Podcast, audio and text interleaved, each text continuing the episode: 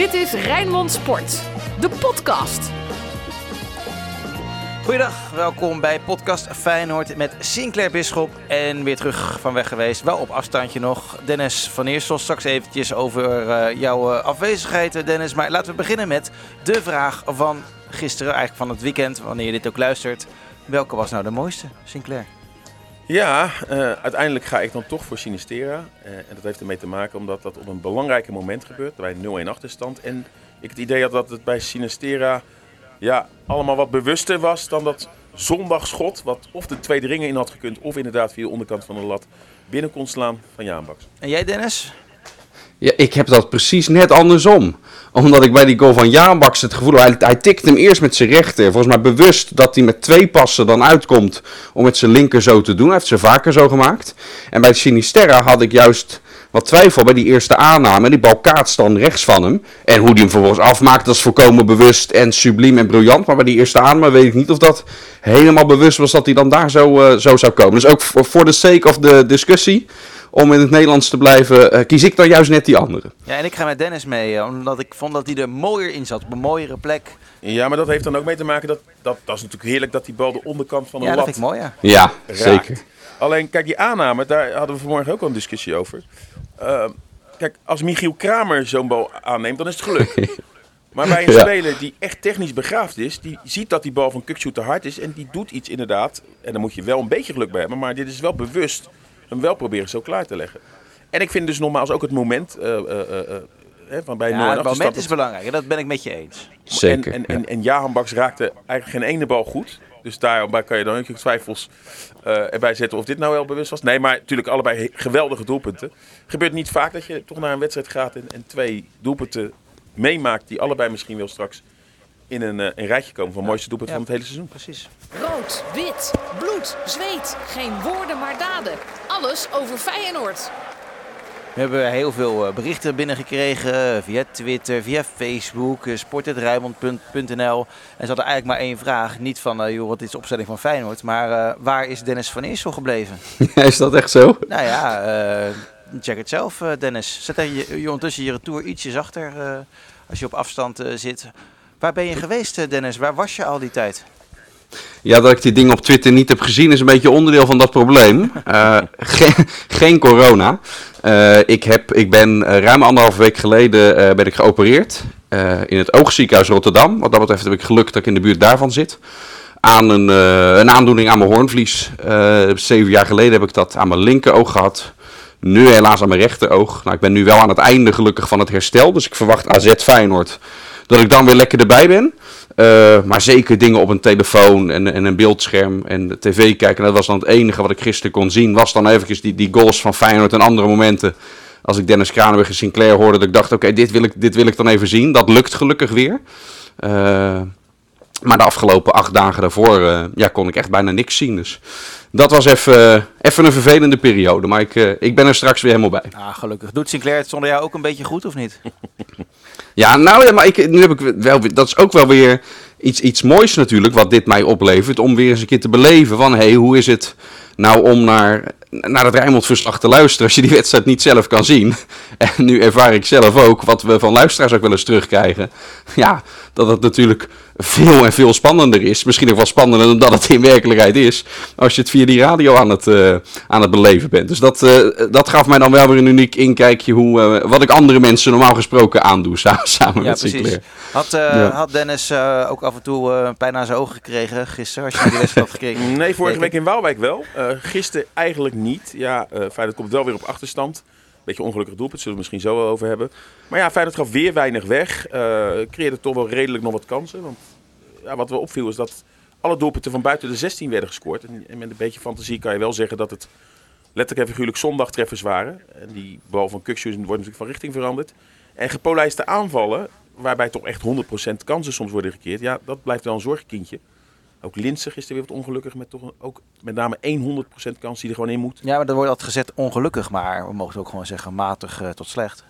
Afgewerkt bedoel je? Nou ja, ook maar, maar Linse zit er gewoon niet lekker in. Nee, zit, en, en, en, en, ik heb hier in mijn draaiboekje, die kan, kunnen we gelijk even erbij halen. Uh, Sinclair, zet, zet, ik leg maar aan jou voor. Maak deze zin af. Als Dessers niet geblesseerd was geweest... Had hij toch niet gespeeld, want bij Feyenoord zijn dan toch eigenlijk de rollen wel verdeeld. En ja, Linse heeft dan wel zodanig kritiek opgebouwd. Krediet bedoel je? Krediet opgebouwd. Zei opgebouwd. kritiek. Ja, Ook, heeft hij ook Ja, opgebouwd. ook, ja. Maar krediet opgebouwd dat, dat op dit moment wel dit het winnend elftal is. Waar je toch niet aan gaat morren als een speler eventjes uit vorm is. Eens, Dennis? Ja, eens. Eh, al ben ik wel heel erg benieuwd, en dat zullen we nooit weten, hoe het was gelopen als dan juist nu in deze fase Dessus die invalbeurt had gehad die die, eh, die, die rondom november steeds had. Hè? Dat hij helemaal on fire was. Als, als dat moment dan nu was samengevallen met Linsen, die nu wel wat aan het kwakkelen is, dan was ik benieuwd geweest. Maar ook, ook Dessus in deze vorm, nou, hij was er gisteren was hij überhaupt niet bij de wedstrijdselectie natuurlijk. Eh, ja, dan, dan hou je vast aan je eerste spits die eh, ook gewoon nog steeds hoog op de topscorerslijst staat. Hè? Dus ik snap ook wel dat hij bij slot wat, eh, wat krediet heeft eh, opgebouwd. En hiervoor had je bij Linsen altijd dat hij. ehm, met al zijn andere arbeid dan ook nog belangrijk was voor de ploeg. Nou, dat is hij natuurlijk ook nog steeds. Maar ook wat minder direct dat daar dan vanuit die ijver dan ook nu goals uit voortkomen. Hè. Dat sprak dan altijd heel vaak nog in zijn voordeel. Dan kon je dat soort momenten erbij pakken. Ja, die zijn er nu ook eventjes wat, eh, wat minder. Dus ja, dan, dan is er weer wat, eh, wat kritiek op hem. Dat, ik denk ook, zolang Linse de spits van Feyenoord blijft... dat om de zoveel tijd deze kritiek dan ook eh, zal terugkomen. Maar het is ook gewoon heel simpel, toch? Ik bedoel, in de eredivisie, ik heb het al eerder gezegd, dat is een competitie waar niet de grootste voetballers zitten, waar smetjes aan zitten, tussen aanhalingstekens, zeker bij een speler op leeftijd. En dan kan het niet zo zijn dat zo'n speler in Nederland 34 wedstrijden een heel niveau aantikt. En als je ook überhaupt naar de hele Nederlandse competitie kijkt, maar laten we gewoon eh, het beestje bij de naam noemen bij Feyenoord, kunnen we eigenlijk elke speler er wel uitpakken die een mindere fase heeft gehad. Of het naar Bijlo was, we hebben het over Senesi gehad in een fase waarin die Nou, enorm fout ging. was altijd Kutsu goed. is slecht begonnen aan het seizoen. Eh, we hebben natuurlijk ook Jahan Baks, Ja, ja. waar het ook al... Dus, dus, ja, en nu zit Linse in zo'n fase. Maar om dan hem tegelijk te slachtofferen... over 34 wedstrijden, dan weet je wat je aan, eh, aan Linse hebt. En dat is genoeg. En zo kijkt Slot er denk ik ook naar. En dit is een fase, maar het kan ook zomaar zijn... dat hij over een paar weken wel weer de speler is die hij aan het begin van het jaar was. Maar ja, elke speler, jij noemt misschien Trauner als een van de weinigen... heeft een mindere fase gehad. En misschien komt die fase van Trauner nog. Want nogmaals, in Nederland... ja kan je ook bijna geen enkele club. Kun je ook naar andere clubs gaan kijken om ons heen. Waar je ook spelers ziet die ineens de vorm niet meer hebben. En eh, eh, het belangrijke is dat dan nog wel een team uiteindelijk blijft winnen. Wat ik ook wel op, op, op vond vallen is dat je hebt dan toch wel ben benieuwd van... Dessus is er niet bij. Wat gaat er dan gebeuren als Linsen naar de kant gaat of geblesseerd raakt? Wie gaat in de spits? En toen dacht ik, nou misschien dat Jaanbaks dan een spits wordt gebruikt. Of, of eventueel Sinistera, die ooit onder, onder Stam ook in die punten heeft gespeeld. Maar eh, nee, nu werd Guus Stil als spits gebruikt in de laatste kwartier, 20 minuten. Dus die wordt, scoort natuurlijk makkelijk, topscorer van Feyenoord.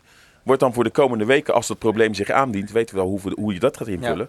En nu is de grote vraag hoe, eh, hoe het probleem Uisnes ingevuld gaat Daar worden. wil ik straks eh, even op, eh, op, op doorpraten als we vooruit gaan blikken naar die wedstrijd van aankomend weekend bij, bij AZ uit. De, ook de rentree van, van Dennis natuurlijk, zoals die wedstrijd de boeken in zou gaan. Ehm, Ja. Heb jij wel die goal van... eh, ja, het dak, het dak zal eraf gaan daar in Alkmaar. Ja. Ja, zeker, zeker. Eh, over, nee, daar komen we ook wel op, later op. Eh Trauner, Dennis. Wat was het nou? Was het nou, eh, was het nou de wind? Was het het veld? Wat was het nou? Ja, een beetje een inschattingsfout ook te maken. Ik, ik denk een combinatie van die twee. Want hij staat wel weer goed gepositioneerd zoals hij dat altijd doet. En die bal, die stuit daarna volgens mij ook gewoon een windvlaagje, denk ik, stuit Ja. opeens verder door. Het enige is wel dat die aanvaller van Cambuur, eh, die rekenen daar al wel op, hè. Eh, an- anders kan die ook niet zo alsnog voor hem, voor hem kruipen. Dus die zag het al een beetje aankomen dat dit kon gebeuren. Ja, weet je, een inschattingsfoutje. Die man heeft tot nu toe een geweldig seizoen. Dit is zo'n beetje op, op een van zijn eerste wedstrijden na het eerste foutje op hem kunnen betrappen. Maar hier kan Feyenoord wint gelukkig die wedstrijd als alsnog nog. Wat zei je? Je re- re- reageert op een bal die je normaal gesproken 99 van de 100 keer Ja. op een bepaalde manier wil wegwerken. En dan heb je op dat moment die windvlaag. Eh, Ja. ik, ik schrok meer, maar dat kwam misschien omdat hij zelf ook schrok.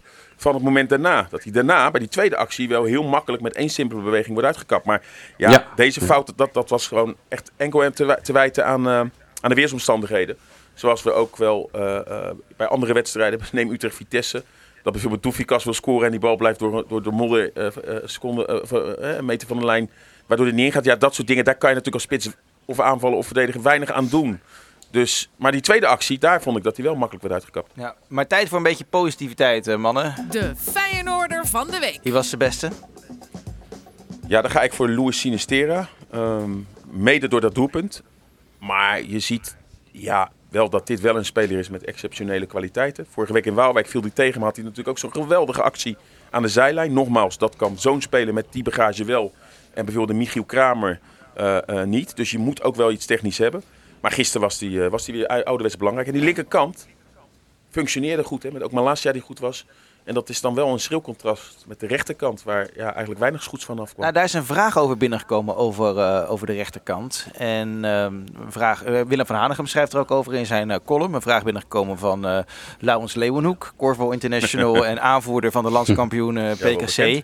Waarom speelt Pedersen niet meer in plaats van uh, Geert Ruida? Die vraag is niet gesteld op de persconferentie. Kritiekpuntje. Die, hebben we, uh, die, die is vorige week gevraagd. Want het is natuurlijk, heel veel dingen zijn een wekelijks thema. Oh, ik had het de week daarvoor na Feyenoord-Sparta had ik het, uh, had ik het ook gevraagd. Okay. Ja, maar toen, had, toen was het argument, ja, hij heeft heel veel wedstrijden gespeeld, dat een beetje rustig. Nee, nee, nee, nee, dat was niet het argument. Nee, het argument was um, uh, dat hij tegen tegenstanders die um, zo'n muur optrekken qua, uh, qua verdediging, dat hij bewust ook kiest voor Geertruida, omdat hij aanvallend op een andere manier iets, iets toevoegt, ook meer in de as dan dat Pedersen dat doet. Het is, bewust ook een tactische overweging om dan Geertruida als back als optie te gebruiken in plaats van, uh, van Pedersen. Nou, ook bij Cambuur misschien wat minder. Maar hoop je in ieder geval in de eigen kuip dat je ze met de rug tegen de muur kan zetten. En dat je op die manier met Geertruida nog tot extra kansen kan, kan komen. Dat kwam niet helemaal uit de verf in deze wedstrijd, vond ik. Misschien was dit wel, ook de hoe altijd speelt, juist meer een wedstrijd voor de tandem Pedersen Jaanbaks geweest. Maar de uitleg heeft, heeft, in ieder geval van slot niks met, uh, met enige uh, fitheidsargumenten van Pedersen te maken. Maar, maar, maar, hoe het ook werkt in de voetballerij, en, en, dat is zo dat als de spelers elkaar niet zoveel ontlopen, uit bij NEC was Pedersen er niet bij vanwege positieve coronatest. Dan winnen ze daar dik met 1-4 en Feyenoord speelt daar een hele perfecte tweede helft. Nou, de eerstvolgende wedstrijd tegen Sparta laat je het dan staan. Dan speelt Feyenoord misschien wel ja. de beste helft uh, die er gespeeld wordt. Ja, dan ga je ook niet zo snel weer. Uh, is ook waar. Ja. Uh, toch daar aan tornen. Want als je dan verliest, zegt iedereen: ja, waarom ga je nou niet door op de voet waar je gebleven bent? Als je juist zo twee perfecte wedstrijden afwerkt. Nou, oké, okay, RKC was minder. Maar ook die wedstrijd win je. Dus dan he, moet je gewoon als speler soms, als het elkaar niet zo heel veel ontloopt. Kijk, ik bedoel, Sinistera keert wel gelijk weer terug. op het moment dat hij fit was. Maar als het elkaar niet zoveel ontloopt, moet je wel weer gewoon de wachtkamer in en wachten op je kans. Wie, wie, is, wie heeft jullie voorkeur? Nou ja, uh, uh, dat ligt inderdaad ook aan de tegenstander. Maar Pedersen, ja, dat was wel een openbaring hè, in die eerste maanden. Al moet je ook eerlijk zijn dat naarmate de winterstop kwam, dat je met de week toch wel wat kwetsbaarder vond ogen. En dat had misschien wel met de vele wedstrijden te maken. En jij Dennis, wie is jouw favoriete rechtsback? Ja, ik vind, en dat had ik aan de voorkant niet verwacht, want daar had ik juist uh, mijn twijfels voor, omdat ik dacht, die jongens is, is ook alleen maar bezig met, met voorzet te geven en die achterlijn halen. Maar ik vind Pedersen denk ik verdedigend uh, net iets sterker dan, dan Geertruida is. Die, die vind ik af en toe nog net van die momentjes hebben dat hij net niet, net niet goed staat. Net. En Pedersen vind ik daar net iets, iets verder. Maar het ontloopt elkaar niet zo gek veel. En dan kun je ook juist weer de policy hebben. Dan geef je dus de voorkeur aan iemand uit je eigen jeugdopleiding. Dus ja. er valt uh, in deze discussie voor beide iets te zeggen. Dat lijkt me een mooie luxe positie voor uh, de trainer. Wie was jouw uh, van de week? Ja, ik had ook, ook Sinisterra willen zeggen. Laat, laat ik dan een andere eruit pikken. Hij heeft dan niet gescoord. maar vlak voor die gelijkmaker van Sinisterra... en dat is weer van het onzichtbare werk... maar is Guus Stil echt van onschatbare waarde. Want um, um, Cambuur heeft de achterbal... En dat is, hij zet dat start zijn. Hij geeft als eerste die druk. Die bal gaat ter hoogte van het 16 meter gebied al over de zijlijn heen. Waardoor Feyenoord überhaupt tot die aanval uiteindelijk kan komen. En als Stil dat soort onzichtbare sleurwerk niet doet. Hij scoort dus niet, daarom haal ik hem er toch uit. Als hij dat soort onzichtbare werk niet doet... Had Cambuur misschien op de helft van Feyenoord geweest. Was heel die kans voor die geweldige goal van Sinisterra er nooit gekomen. Het is een beetje gezocht, want eigenlijk was het dus ook Sinisterra. Ja. Maar ik wilde deze pluim bij die actie wilde ik wel aan, aan Til geven. Omdat hij dit heel vaak doet. Ook in wedstrijden waarin die misschien wat minder opvalt. Maar dan zou ik als tweede, maar dat is mijn persoonlijke mening, uh, eerder denken aan Senesi. Die heel veel kritiek heeft gekregen, maar de was laatste goed. weken Ja. met heel veel intercepties. Heel simpel. Vorige week ook in Waalwijk. Toen kreeg Trauner de meeste credits, maar was hij Ja. ook geweldig. En gisteren vond ik hem eigenlijk ook verdedigend. Zeker misschien wel de beste Feyenoorder. En Ja. ja, ja Til... En één, één keer een heel belangrijke actie ook hè, bij de, bij de waarbij die een counter eruit had. Dat had zomaar een Cambuur goal Ja. daarna kunnen, kunnen. Ik weet niet meer wat de stand toen was. Was het toen 1-1 of misschien zelfs 0-1 Misschien nog? was het wel al eh, eh, 2-1 of 3 3-1. Maar feit is wel dat, dat ja, hij echt ook in de eerste helft met gewoon bepaalde interceptie. en Hij, hij lijkt wel weer gewoon de Senesi eh, eh, van voor die dip Nou ja, dat is dan wel weer goed dat hij misschien over die dip heen. Het is Dan kiest ver- Sinclair er deze week twee, Frank. Ja, Wel dat is goed? helemaal goed. Dus, eh, ik, eh, ik kies niemand, alleen ik heb wel wat interessante statistieken voorbij zien komen over Orkun uh, Kukcu van eh, Bart Vrouws van Opta. Hij heeft nu eh, de meeste doelpunten in de Eredivisie sinds de winterstop gemaakt, hè, met vijf, eh, vijf goals. Bij de meeste doelpunten betrokken, bij zeven. meeste kansen gecreëerd, 20. En het meeste aantal succesvolle passes in de laatste 30 meter van het veld, 134.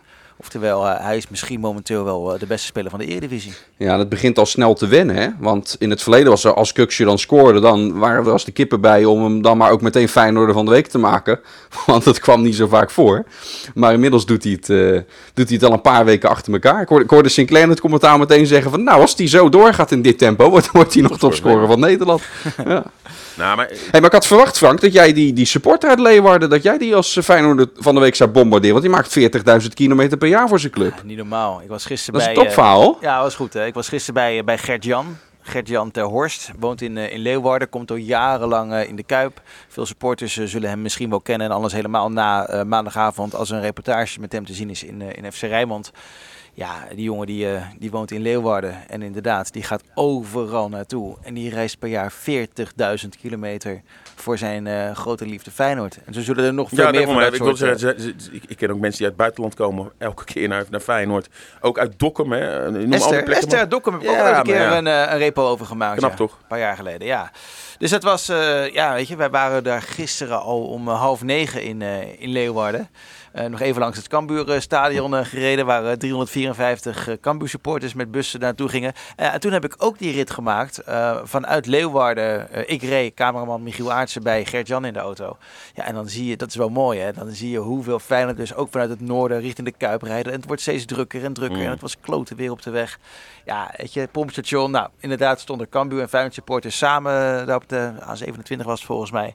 Ja, het is gewoon leuk. Dat is gewoon, eh, gewoon mooi en echte clubliefde. En ja, dat vond ik, eh, vond ik mooi om te zien. Aan de andere kant, wat mij dan wel een beetje verbaasde, dan mogen er weer supporters naar het stadion toe. En is het niet uitverkocht. Is niet uitverkocht. En, eh, heeft meerdere redenen. Natuurlijk het, het noodweer. waarbij mensen dan toch denken van ja, moeten we dit wel onszelf aandoen? En er is ook wel veel te doen geweest over de duurdere kaarten hè? ehm, bij supporters. Die vinden dat de prijzen omhoog zijn gegaan en dat dat eh, eh, eigenlijk te extreem is geweest. Hebben we ook een beetje navraag naar gedaan, ook bij Feyenoord. Want ja, de irritatie bij de supporters. Want op, op het internetfora zie je ook wel dat heel veel mensen het wel ermee eens zijn dat er een prijsstijging is geweest. Ook heel veel supporters niet. Irritatie zit bij supporters met name dat het niet gecommuniceerd is. En het feit dat, dat ze natuurlijk de laatste tijd hun club niet hebben kunnen bezoeken. En een afstand hebben gedaan vorig jaar voor de compensatie. En dan komen ze de eerste volgende keer dat ze weer het stadion in mogen. Moeten ze heel veel geld betalen voor een, wet, eh, eh, een kaartje Feyenoord Cambuur. Ehm, er werd wel op internet gesuggereerd dat de stijging van de kaarten zo'n 20% Ja. was. Nou, dat, wat ik heb bij Feyenoord navraag gedaan, bij Feyenoord zeggen ze, dat is niet het geval. Inderdaad, supporters mogen er wat van vinden. Als je dat het wij- vergelijkt met die wedstrijd tegen Fortuna is het wel 20%. Ja, maar dan pak je dus één wedstrijd die om kwart voor vijf was, niet om half drie. Op 5 en december. op 5 december, waardoor Feyenoord een actie toen lanceerde om wat goedkopere kaarten aan de markt te brengen om dat stadion toen ook vol te krijgen. Dus als je dan het rail gaat bekijken, moet je een wedstrijd pakken van pak een beetje twee jaar geleden. Want het is lang geleden dat je hè, eh, naar het stadion komt. En dan ook een wedstrijd tegen niet een topclub om half drie. En dan schijnt het volgens Feyenoord rond de 3% te gaan een stijging. Ja, daar kan je wat van vinden. Feit is, Feyenoord zegt ook, eh, eh, soms moet je wel met, dat, dat heeft met inflatie, met alles erop te maken, moet je een prijsstijging. We hebben dat de laatste jaren niet al te veel gedaan. Dus dat komt er wel eens aan, gebeurt ook bij andere clubs. En ja, als je heel eerlijk bent, als je op dit moment naar de corona, eh, naar de kroeg gaat weer, wat je allemaal wil. Eh, je gaat naar het museum of je gaat naar het theater, zit daar waarschijnlijk ook een inflatie. Voor je biertje betaal je in de kroeg nu ook een kwartje of eh, 20 cent meer. Dus voor beide partijen valt wat te zeggen. Maar goed, de timing ja, valt altijd slecht, zeker bij supporters. En als je dan ook nog eens weet dat als je dan naar die Kuip gaat en je betaalt zoveel geld, want het is heel veel geld voor een kaartje. En de Kuip is nog altijd in die ja, niet moderne staat. En als je naar de wc eh, gaat, dan, nou, jij bent er ook laatst het. geweest. Ik weet Het het. is eigenlijk ja, beestachtig. Ja, Als je naar of de wc moet of je wil een drankje gaan halen eh, in de rust.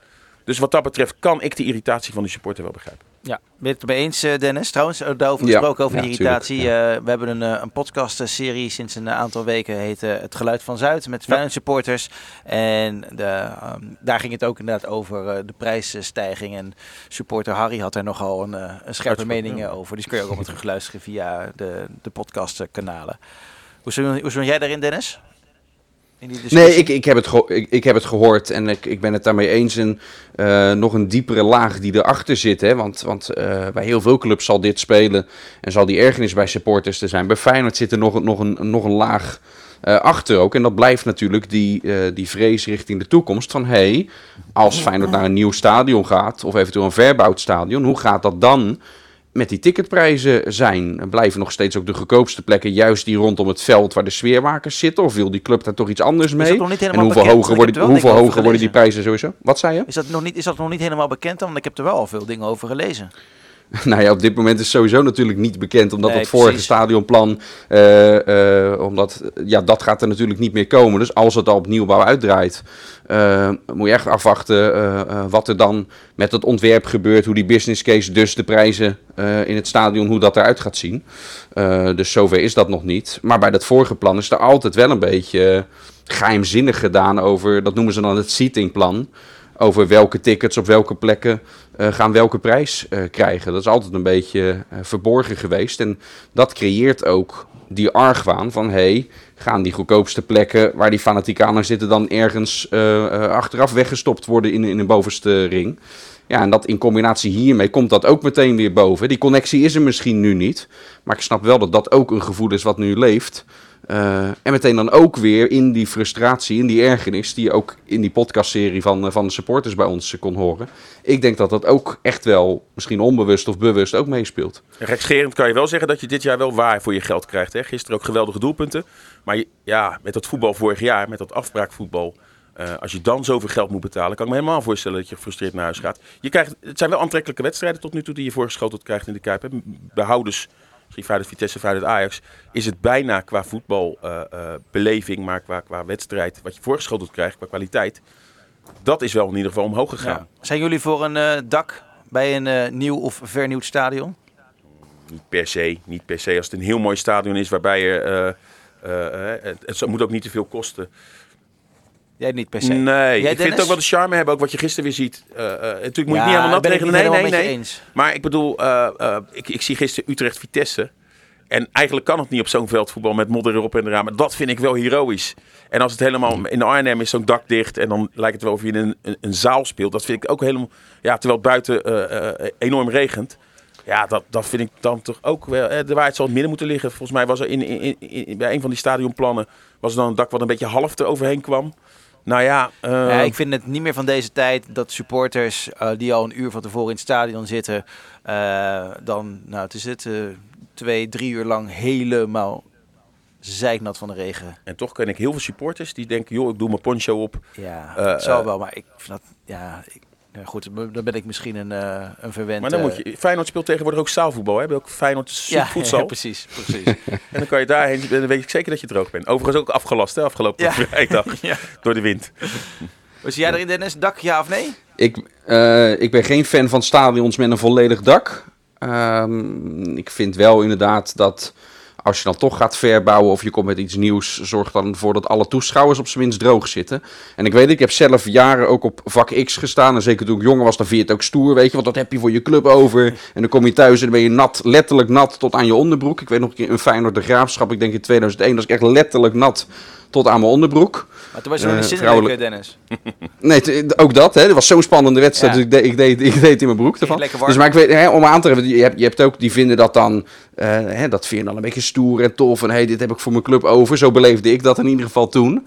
Eh, eh, eh, maar, maar achteraf bezien, eh, als er gewoon een dak boven zat, had ik dat denk ik op die dag toch ook wel gewoon prima gevonden. Dus ja, dat lijkt me het minste. Dat is inderdaad niet meer van, eh, van deze tijd. En als je toch iets gaat doen, zorg dan op zijn minst voor dat alle toeschouwers eh, lekker droog naar die wedstrijd kunnen, kunnen staan of Ja. zitten te kijken. We gaan naar het punt wat Sinclair al eerder eh, aanhaalde. De gele kaart voor Arsenis. Nou ja, Slot was er een beetje boos over. Hè, van ja, als je hiervoor eh, geel geeft, eh, dan had je ook eerder kunnen doen. Terwijl hij prees de scheidsrechter juist van dat hij het lekker door liet gaan.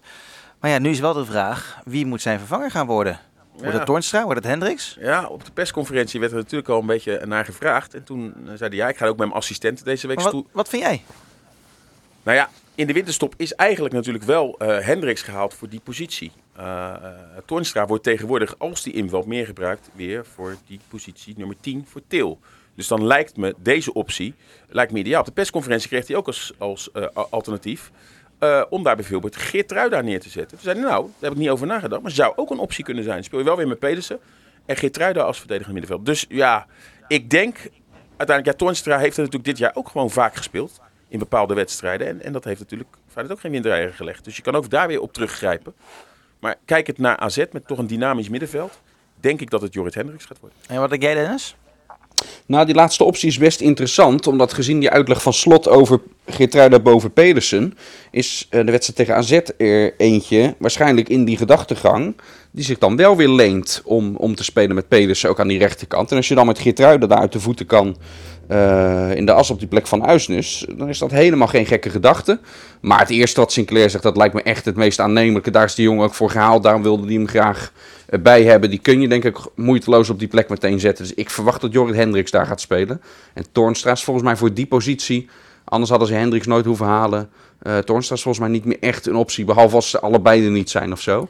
Uh, op, op die plek. Dus dat verwacht ik niet. En ik sluit niet uit, want uh, eerder uh, gaf Slot op de vraag waarom Toornstra niet speelde, dat nou, juist Toornstra wel weer in aanmerking kan komen in dus wedstrijden tegen zwaardere tegenstanders. Hè? Dus in de Conference League dadelijk, Ajax en PSV natuurlijk later nog, AZ. En aangezien Jaanbaks nou buiten die goal ook geen onuitwisbare indruk heeft achtergelaten, sluit ik ook niet uit dat Feyenoord met een wat verdedigende of een, een, een sterker middenveld met andere woorden, Toornstra ja. in die rechte zon. Ja, wou ik net zeggen. Want dan doel jij op, want zo interpreteerde ik het ook. Dan doel jij op Toornstra in ja. de rol zeg maar, van Jaanbaks. Maar dan juist het middenveld versterken. Zoals tegen ja. PSV. En dan kan je Jaanbaks later altijd nog brengen. Mocht uh, de wedstrijd uh, aanleiding geven dat je weer aanvallende moet spelen. Dus ik sluit niet uit dat er uh, komende week wel een aanpassing in de opstelling gaat. Ja, moet sowieso natuurlijk om de Uistens niet is. Maar dat sowieso misschien Toornstra wel weer de kans gaat krijgen. FC Rijnmond. Archief. Er zijn natuurlijk heel veel mooie edities hier aan vooraf gegaan. Feyenoord AZ, AZ Feyenoord. Wat vind jij de mooiste, Dennis? Of eentje die nu heel erg snel uh, bij jou te binnen schiet? Die in het laatste kampioensjaar van, uh, van Feyenoord was, was een hele mooie. Hè? Bijvoorbeeld Jan-Arie van der Heijden met, met, een van de goals ook in, in die wedstrijd.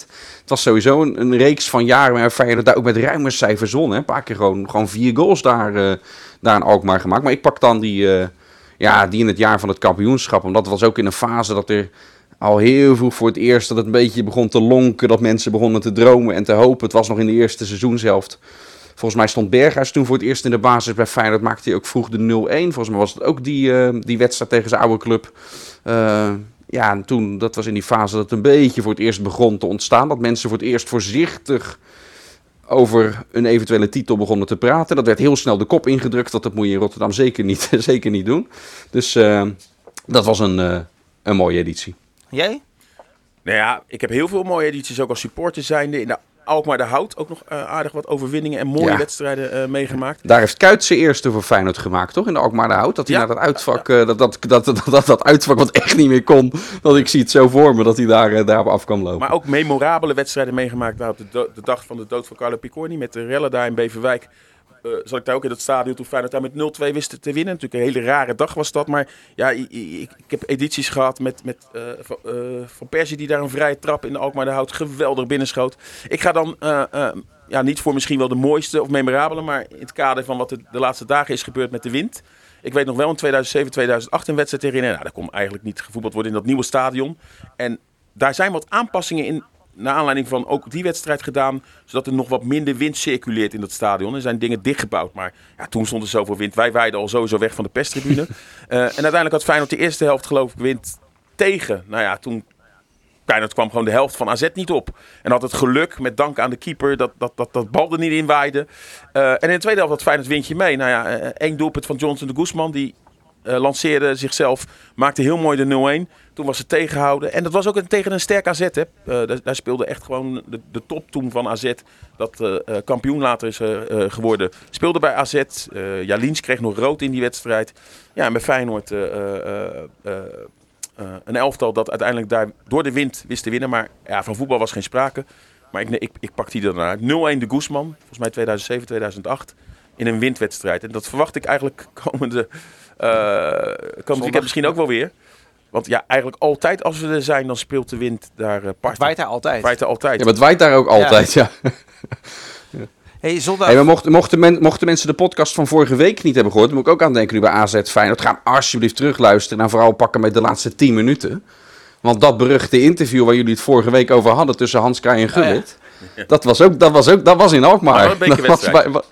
Dat was bij een bekerwedstrijd AZ Feyenoord. Maar dit is even, even een tip. Van mocht je deze podcast wel luisteren, vorige week hebben overgeslagen, ga op zijn minst even het einde terugluisteren. Hey, aankomende, aankomende zondag. Dit is eh, natuurlijk voor Feyenoord hartstikke belangrijk. Maar voor AZ misschien nog wel meer belangrijk. Hè? Want als die niet winnen, dan, eh, dan is plek 3 sowieso uit zicht. Nou, maar ze hebben natuurlijk nog wel halve finale beker. Ja, Eh, precies. Maar dat is voor ons totaal niet Nee, relevant. dat klopt. Zeker nog, wij moeten hopen eh, dat Feyenoord en A- dat, dus, dat Ajax en PSV in de bekerfinales komen. Want dan is er normaal gesproken een plekje in de Europa League voor Feyenoord. Ja. rechtstreeks. Ja, maar Ja, ik ben, met AZ, ik ben met AZ wel op mijn hoede, Frank. Want wat dat betreft, ik weet, ze liggen helemaal aan de andere kant van Nederland. Maar wat dat betreft eh, zijn het net Duitsers de laatste jaren. Want er is ook een seizoen, in het seizoen van Fred Rutte stond Feyenoord op een gegeven moment volgens mij 13 punten voor op ze. Dat was de laatste speeldag. En wie sneakte er op het laatst toch weer overheen? Dat was toen AZ. Dus ik, dat ik, ik ben er nooit, nooit gerust op tot het mathematisch echt niet meer kan. Nou, dat je AZ achter je laat. Wat ook gewoon een enorme kwaliteit is. Hè. Kijk naar hoe ze dit seizoen zijn begonnen. En wat voor een serie ze nu sinds die wedstrijd in de Kuip weer, eh, weer hebben. Het is toch, toch gewoon knap blijft het hoor. Wat ze daar eh, seizoen in uit eh, aan het presteren zijn. Inderdaad, hè, de Kuip voor het laatst verloren. Doelpunt Dessers laatste minuut. En ja, dit is wel voor Feyenoord. Als Feyenoord wint daar, blijft het niet alleen in de, in de nek goed hijgen van Ajax met name PSV. Maar dan is het gat wel geslagen hè, met negen punten. En AZ krijgt de kans niet meer om Feyenoord zelf te pakken. Maar ja, verlies je en wordt het drie, dan moet Feyenoord toch echt wel rekening houden met AZ dat in vorm is. Nou, AZ heeft wel een veel lastiger programma. ja. hè. Nog, die krijgen nog Ajax en eh, Vitesse thuis. Moeten nog naar Utrecht, naar Willem II bijvoorbeeld. En Klopt, maar, heeft maar, maar eh, ze hebben wel bij Ajax onlangs en bij PSV in de serie gewonnen. Eh, dus ja, volgens mij ja, hoeft dat niet per se. Zij, zij richten zich de laatste jaren wel op in toppers. Hè? Feyenoord heeft het, buiten die wedstrijd die nu door Dessers werd gewonnen, de laatste jaar ook erg lastig gehad met AZ. Ehm, aan de andere kant ja, zijn het wel nipte, nipte overwinningen. Ook AZ gaat daar op de Conference League nog in. Ja. En daar heb je eh, ook het idee dat bepaalde posities, als die wegvallen, dat ze daar ook wel een probleem hebben. Hè? Bijvoorbeeld Wijndal is erg belangrijk voor dat elftal. Daar kan ik nog wel een paar eh, posities opnoemen. Dus wat dat betreft, eh, ja, denk ik dat hoe de stand nu is. Dat, en PSV en Feyenoord, dat die echt nog vechten om plek 2. Hey Dennis, wat Maar ben je allemaal aan het doen? Ja, ik doe op de achtergrond even de ramen dicht. Want Storm Amin Younes die heeft al een schutting eh, vernield bij mij. Amin Younes. En om nou... eh, ja, zo heet hij toch? Storm, Storm, Storm Younes. Ik moest meteen aan Amin Younes denken. Younes Namli. Helemaal, he- helemaal toen, mijn- toen mijn schutting hier in... eh, mijn, tuinschutting helemaal, eh, helemaal kapot en om, eh, omgewaaid is. Ik doe even de ramen dicht, want ik hoorde het hier zo klapperen. En ik denk als, en als Sinclair op, en, en, en, als, en als Sinclair op dreef is, dan denk ik, nou, dat- dan eh, Ja, nee, maar daarom... kan ik wel even die raampjes dicht doen Hij heeft zijn tussendoor. humor heeft hij niet verloren, hè? Nee, nee, nee. Nee, goed hè? daarom maakte ik ook even een Gelukkig niet. aan. hey, jongen, wat ook belangrijk is. eh, aankomende vrijdag, 1 uur volgens mij. Loting. Warme balletjes. Ja. Wat, eh, wat hopen we? Ja, wat Ik hopen vind we? Belgrado wel leuk. Ja, maar je kijkt als eerste wat is sportief misschien. eh, Nou, dan zeg ik geen? Leicester. Geen weet ik Bodo. Weet ik niet. Jij, jij noemt een eh, Leicester een Premier League club, maar het is niet zo dat zij in de top van Engeland dit jaar spelen. Nee, maar ze en je spelen ziet wel vaak erg... dat Engelse clubs, ja, vaak toch eh, zo'n Conference League, eh, wat min, waar minachtend Ja, over maar dat zijn de topclubs. Weet je, Leicester heeft Europees nog nooit eh, wat gepresteerd. Nee. Ja, ik heb ook wel de indruk dat zij het wel serieus nemen. De, de- die wedstrijd eerder deze week, ik heb dan alleen de uitslag gezien, maar dan rollen ze ook tegenstander met 4-1 eh, makkelijk op. Klopt. Maar Fey- Feyenoord richt zich juist tegen dit soort tegenstanders vaak wel op, hè? Engelse, Ik heb ze liever wat later, Leicester. clubs. Oké. Wat nou, heb jij, Dennis? Ja, Marseille zit er ook bij, wat natuurlijk een, een mooie loting is, maar ook eentje waarbij ik eh, denk van ja, dat is, dat is wel een pittig om door te komen. En het een liefst in deze ronde. Ja, het liefst, ja, Ja. ook dat ja. Ja, Ja, wat het liefst de- Ja, maar daar, dat- die hebben de reputatie dat eh, die supporters een beetje prikkers eh, zijn. Dat, dat, dat- nou ja, daar loop ik Een liever hele niet gevaarlijke tussen. stad inderdaad. Feyenoord Ja. heeft het natuurlijk al eens gespeeld, hè? Champions League toen, eind jaren 90. Eh, toen mochten er geen supporters bij, maar die waren er natuurlijk wel. Eh, ja, sportief gezien is dit Marseille wel te pakken. Het is wel een geweldige wedstrijd. Alleen je houdt je hart wel vast. Maar er zijn wel meerdere eh, ploegen die je kan loten waar het explosief kan zijn. Hè? Partizan noem jij ook, maar PAOK Saloniki. Overigens Ja. waar Feyenoord in de voorbereiding thuis wel tegen gevoetbald Lijkt heeft. me wel mooi. Ja, maar dat is allemaal wel explosief. Maar ja, het zijn toch Ik zou Wenen wel mooi vinden. Omdat daar... Jij ook Fenerbahce, dat- vond je ook mooi, toch? Dat, dat ja, daar kom, kom- wil ik zo wel even op terugkomen. zo wel even op terugkomen. Nee, maar Wenen als, als eh, Van Vitesse, daar heeft Feyenoord natuurlijk nog, eh, in ieder geval wat mij betreft, staat er nog een, een jaar oud rekeningetje van open. Is dat van de tijd Van Karsten van- Janker? Ja, Van een, ja, ja, van een halve finale trauma. 96 Daar was ik na afloop bijna een janker van. jongen, jongen.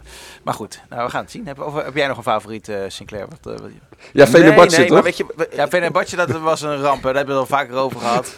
Maar daar was zo dus vaak, al zo vaak over, over Istanbul gegaan. nee, geen favoriet, maar wat wel een avontuur is, zou Bodo Glimt zijn. Dat is een ploeg als Feyenoord die loopt, dat iedereen zegt, daar moet je tegen door.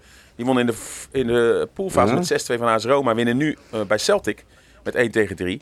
En hebben echt wel wat eh, eh, eh, spelers die misschien straks wel toppers gaan worden. In de winterstop is er wel volgens mij één naar Italië ver- vertrokken. Maar het zou ook leuk zijn voor Pedersen en Huisnes. Eh, alleen, ik begreep wel van Dennis, die alles al heeft uitgezocht, dat het echt een crime is om daar te komen. Dat je volgens mij, als je naar Oslo vliegt, volgens mij nog 13 uur in een auto moet zitten. Het is helemaal het noorden. Ja. Vliegen door op bergen, hè? En dan is het nog een paar uur, geloof Ja. ik. Maar helemaal in het Ja. noorden van eh, Noorwegen. Eh, wel een geweldig avontuur, maar wel een tegenstander waarbij iedereen denkt... Feyenoord, Bodo, Glimt, dat moet lukken. En waar je dan zomaar eens van de koude kermis thuis kan komen. Maar Ja, dat is, daar, daarom is dat eigenlijk degene die ik het minst graag eh, eh, heb. Qua trip hartstikke tof natuurlijk en uniek. Want ander, ik, ik denk, denk dat je daar in je leven anders niet zo snel terechtkomt. Maar je hebt een fantastisch Europees seizoen. En ik denk als je dan die gasten loopt en je zou er eventueel tegen Bodo Glimt uitgaan... is het toch echt een anticlimax van een geweldig Europees seizoen. En eh, ik hoop het niet. Ik hoop dat Feyenoord nog doorgaat natuurlijk. Maar stel je hebt Marseille of Leicester of zo. Ja, en het gaat dan mis. Dan blikt denk ik uiteindelijk, als het op een heroïsche manier gaat... iedereen positief terug op eindelijk weer zo'n mooi Europees jaar. Dus ik hoop sowieso niet dat dit seizoen eindigt met een of andere anticlimax in een wedstrijd... waarvan iedereen denkt, nou Feyenoord zal deze wel doorgaan. En dan gebeurt dat opeens niet. In FC Rijnmond vanavond gaan we terugblikken op eh, de wedstrijd eh, van Feyenoord tegen Cambuur. We gaan eh, ongetwijfeld ook een beetje vooruitblikken. Hey Dennis, eh, succes met eh, de laatste dagen. Nog niet bij Rijnmond en vrijdag ben je gewoon bij de persconferentie met, eh, met Arne. Yes, als het, eh, als het allemaal goed blijft gaan, dan ben ik er vrijdag weer bij. Ja. Nou, succes. En eh, bedankt voor het luisteren allemaal. En tot een volgende keer. Groeten. Hoi hoi. Dit was Rijnmond Sport, de podcast. Meer sportnieuws op Rijnmond.nl en de Rijnmond app.